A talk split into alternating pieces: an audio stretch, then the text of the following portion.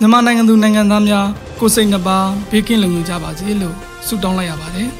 ဒီကနေ့ PPTV ရဲ့သတင်းအစီအစဉ်ကိုစတင်ကြင်ကြတော့မှာဖြစ်ပါတယ်ကျွန်တော်ကတော့မင်းနိုင်နေပါ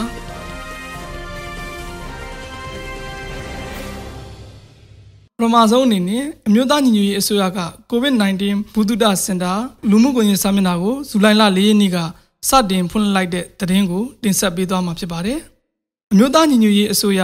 ကျန်းမာရေးဝန်ကြီးဌာနက COVID-19 ဘူတုဒစင်တာလူမှုကွန်ရက်စာမျက်နှာကိုဇူလိုင်လ၄ရက်နေ့ကစတင်ဖွင့်လှစ်လိုက်ပါတယ်။ COVID-19 နဲ့ပတ်သက်တဲ့မှန်ကန်အကျိုးရှိမဲ့ကျန်းမာရေးဆိုင်ရာအချက်လက်အကြောင်းအရာတွေကိုပြည်သူလူထုထံဖြန့်ဝေပေးနိုင်ဖို့ရည်ရွယ်ပြီး COVID-19 ရောဂါဆိုင်ရာစောင်းရန်ရှောင်ရန်အချက်တွေနဲ့ကြိုတင်ကာကွယ်ရမည့်နည်းလမ်းတွေကိုဖော်ပြပေးသွားမှာဖြစ်ပါတယ်။ဒါအပြင်ပြည်သူလူထုသိကျင်တဲ့ကျန်းမာရေးဆိုင်ရာ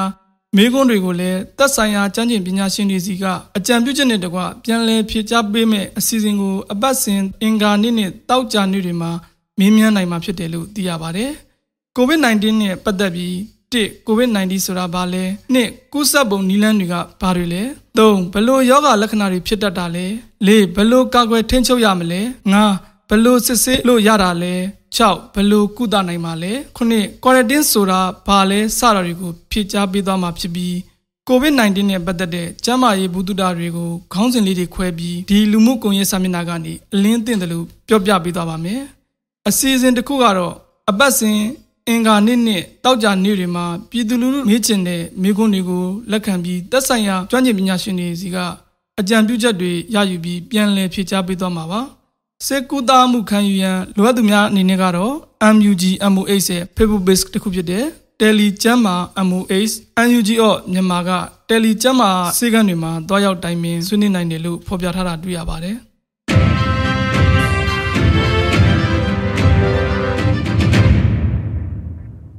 လက်ရှိမြန်မာနိုင်ငံမှာဖြစ်ပွားနေတဲ့အခြေအနေတွေနဲ့ပတ်သက်ပြီးကုလသမဂ္ဂဆိုင်ရာမြန်မာနိုင်ငံအမြဲတမ်းကိုယ်စားလှယ်ဦးကျော်မိုးထွန်းက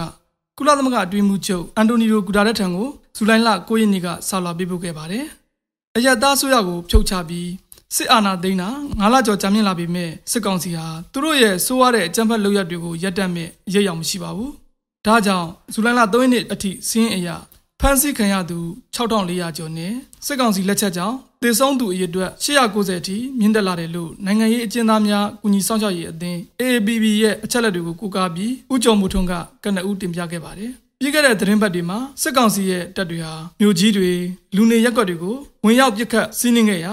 တပရဲမြို့ဖြစ်စဉ်မှာလူအမြောက်များအသက်ဆုံးရှုံးခဲ့ရပြီးဒေသခံတွေလည်းဘေးလွတ်ရာထွက်ပြေးခဲ့ရပါတယ်လို့ဆိုပါတယ်။လူလူအာဏာဖီဆန်မှု စီရီယန်လှုပ်ရှားမှုမှာပါဝင်တဲ့ဝန်ထမ်းတွေကိုဖမ်းဆီးထားတာတွေအပြစ်မဲ့ပြည်သူတွေကိုပြန်မေးဆွဲတာတွေအပြင်စစ်အုပ်စုလက်ကင်တို့ဖြစ်တဲ့ပြူစောတိအဖွဲ့လက်ချက်ကြောင့်ပြည်သူတွေထိခိုက်ခဲ့ရတဲ့ဖြစ်စဉ်အကြောင်းကိုလည်းထည့်သွင်းဖော်ပြခဲ့ပါတယ်။ဒါအပြင်မြန်မာပြည်သူတွေဟာကုသပြန့်နှံ့မှုမြင့်တက်လာတဲ့ COVID-19 ကပ်ရောဂါနဲ့ရင်ဆိုင်နေရပြီးစစ်ကောင်စီဟာလည်းလက်ရှိအခြေအနေကိုမထိန်ချုပ်နိုင်ပဲလိုအပ်တဲ့ကျန်းမာရေးစောင့်ရှောက်မှုတွေမပေးနိုင်ဘူးဆိုတာမြင်သာနေပါတယ်။မြမအကြက်တဲ့ပြည်လည်ရေးအတွက်နိုင်ငံတကာအဖွဲ့အစည်းတွေကလည်း စစ်ကောင်စီအနေနဲ့အကြမ်းဖက်လျက်တွေရက်ကရွေးကောက်ခံအရသားဆိုရကိုအာဏာပြန်လွှဲပေးဖို့တိုက်တွန်းနေကြပြီးအမေရိကန်အစိုးရကလည်းစစ်တပ်ကိုအရေးယူပိတ်ဆို့မှုတွေပြုလုပ်ခဲ့ပါတယ်။ဒါပေမဲ့လည်းစစ်ကောင်စီဟာလူမဆန်အကြမ်းဖက်မှုတွေဆက်လက်ကျူးလွန်နေတာကြောင့်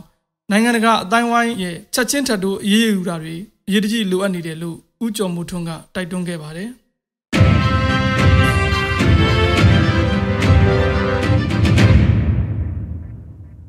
ဆက်လက်ပြီးအမျိုးသားညီညွတ်ရေးအစိုးရရဲ့လျှက်စစ်နဲ့စွမ်းအင်ဝန်ကြီးဌာနက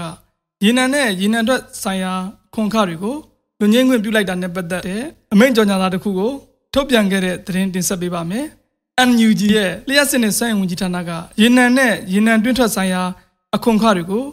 လူငင်းခွင့်ပြုလိုက်တာနဲ့ပတ်သက်တဲ့အမိန့်ကြော်ညာစာတစ်ရပ်ကိုဒီနေ့ရက်စွဲနဲ့ထုတ်ပြန်လိုက်တာကိုတွေ့ရပါတယ်။ကိုဗစ်ကပ်ရောဂါနဲ့ ကျန်းဖတ်စစ်ကောင်စီရဲ့ဖိနှိပ်နှိပ်စက်မှုတွေရှိနေချိန်မှာပြည်သူလူထုအပေါ်ဝန်တော့ဝန်ပိုးတွေကိုရှော့ချစေဖို့တယံဇာတကရရှိနေတဲ့ရန်ပုံငွေတွေကိုပြည်သူတွေကိုနှိပ်စက်နေတဲ့အကြမ်းဖက်ဖွဲ့စည်းတွေစီမရောက်စေဖို့ရည်ရွယ်ပြီးအခုလိုအမိန့်ထုတ်ပြန်လိုက်တာပါပြည်သူဝန်ဆောင်မှုလုပ်ငန်းတွေနဲ့ပြည်တွင်းပြည်ပယင်းနှိမ့်မြုပ်နှံမှုတွေကိုမပြတ်တော့စေဖို့ပြည်သူလူထုရဲ့ခီးတော်လာရေးကုန်စင်းတုံးမတွန်းမြင့်စေရေးအတွက်လောင်စာစီစင်းတုံးတွေကိုထိမ့်သိမ့်နိုင်ဖို့ရေနံနဲ့ရေနံထွက်ပစ္စည်းဥပဒေပုံမှရှင်းမှာပါရှိတဲ့ နှစ်စင်ကြီးတက်တန်းတိုကြီးရက်လွန်တန်ကြီးပိုင်ရှင်လွှဲပြောင်းကြီးအမိပြောင်းလဲကြီးတူလောင်နိုင်တဲ့ပမာဏပြင်ဆင်ပြောင်းလဲခြင်းပျက်စီးပျောက်ဆုံးမိတ္တူမန်ခြေတွေကိုနောက်ထပ်မိန့်တစုံတရာမရမီအထိ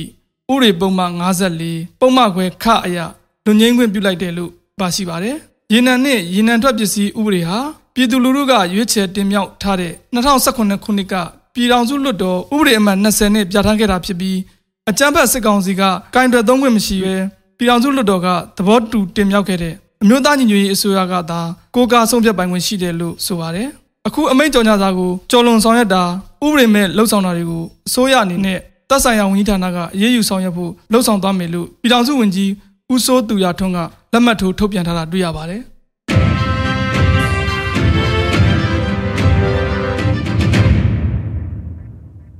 ပြည်သူကိုအကြမ်းဖက်တဲ့စစ်တမုံကိုအခွန်မဆောင်ဖို့မိုးပြဲပြည်သူ့ကာကွယ်ရေးတပ်ဖွဲ့ MBPDF ကပြည်သူတွေကိုတိုက်တွန်းလိုက်ပါတယ်။လက်တလုံးမှာလျှက်စစ်မီတာကားတွေကောက်ခံဖို့ဤအမျိုးမျိုးနဲ့ကြိုးပမ်းနေရတဲ့ပတ်သက်ပြီးလျှက်စစ်ဝန်ထမ်းတွေကိုတတိပေးချက်ထုတ်ပြန်ရမှာအခုလိုထည့်သွင်းပြောဆိုခဲ့တာပါ။မိုးပြဲလျှက်စစ်ဌာနအကြီးအကဲတွေနဲ့ဝန်ထမ်းတွေအနေနဲ့အကြမ်းဖက်စစ်တပ်နဲ့ပူးပေါင်းပြီးပြည်သူလူထုကိုအကြောင်းမျိုးမျိုးပြမီတာကကောက်ခံခြင်းမပြုလုပ်ဖို့ MBPDF က ဥစွာတောင်းဆိုခဲ့ပါတယ်။တောင်းဆိုချက်တွေကိုမလိုက်နာပဲပြည်သူလူထုကိုချင်းချောက်ပြီးမီတာကကောက်မယ်ဆိုရင်တော့အခြေအနေအရရက်ကိုတုံးသက်ပြီးလိုအပ်တယ်လို့ကင်တယ်သွားမယ်လို့လည်းတတိပေးခဲ့ပါတယ်။ပြည်သူလူထုအနေနဲ့လည်းတရားမဝင်အကြမ်းဖက်စစ်ကောင်စီနဲ့မပူးပေါင်းဖို့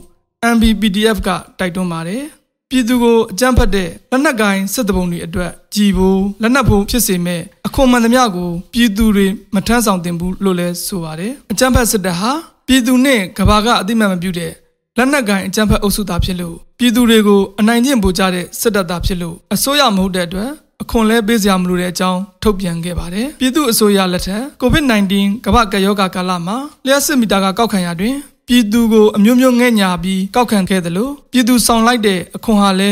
ပြည်သူတွေစီကိုအကျိုးရှိရှိပြန်လည်စီစဉ်စေခဲ့တယ်လို့ MBPDF ကဆိုပါတယ်။ရေတော်ဘုံအောင်ရမည်ရေတော်ဘုံအောင်ရမည်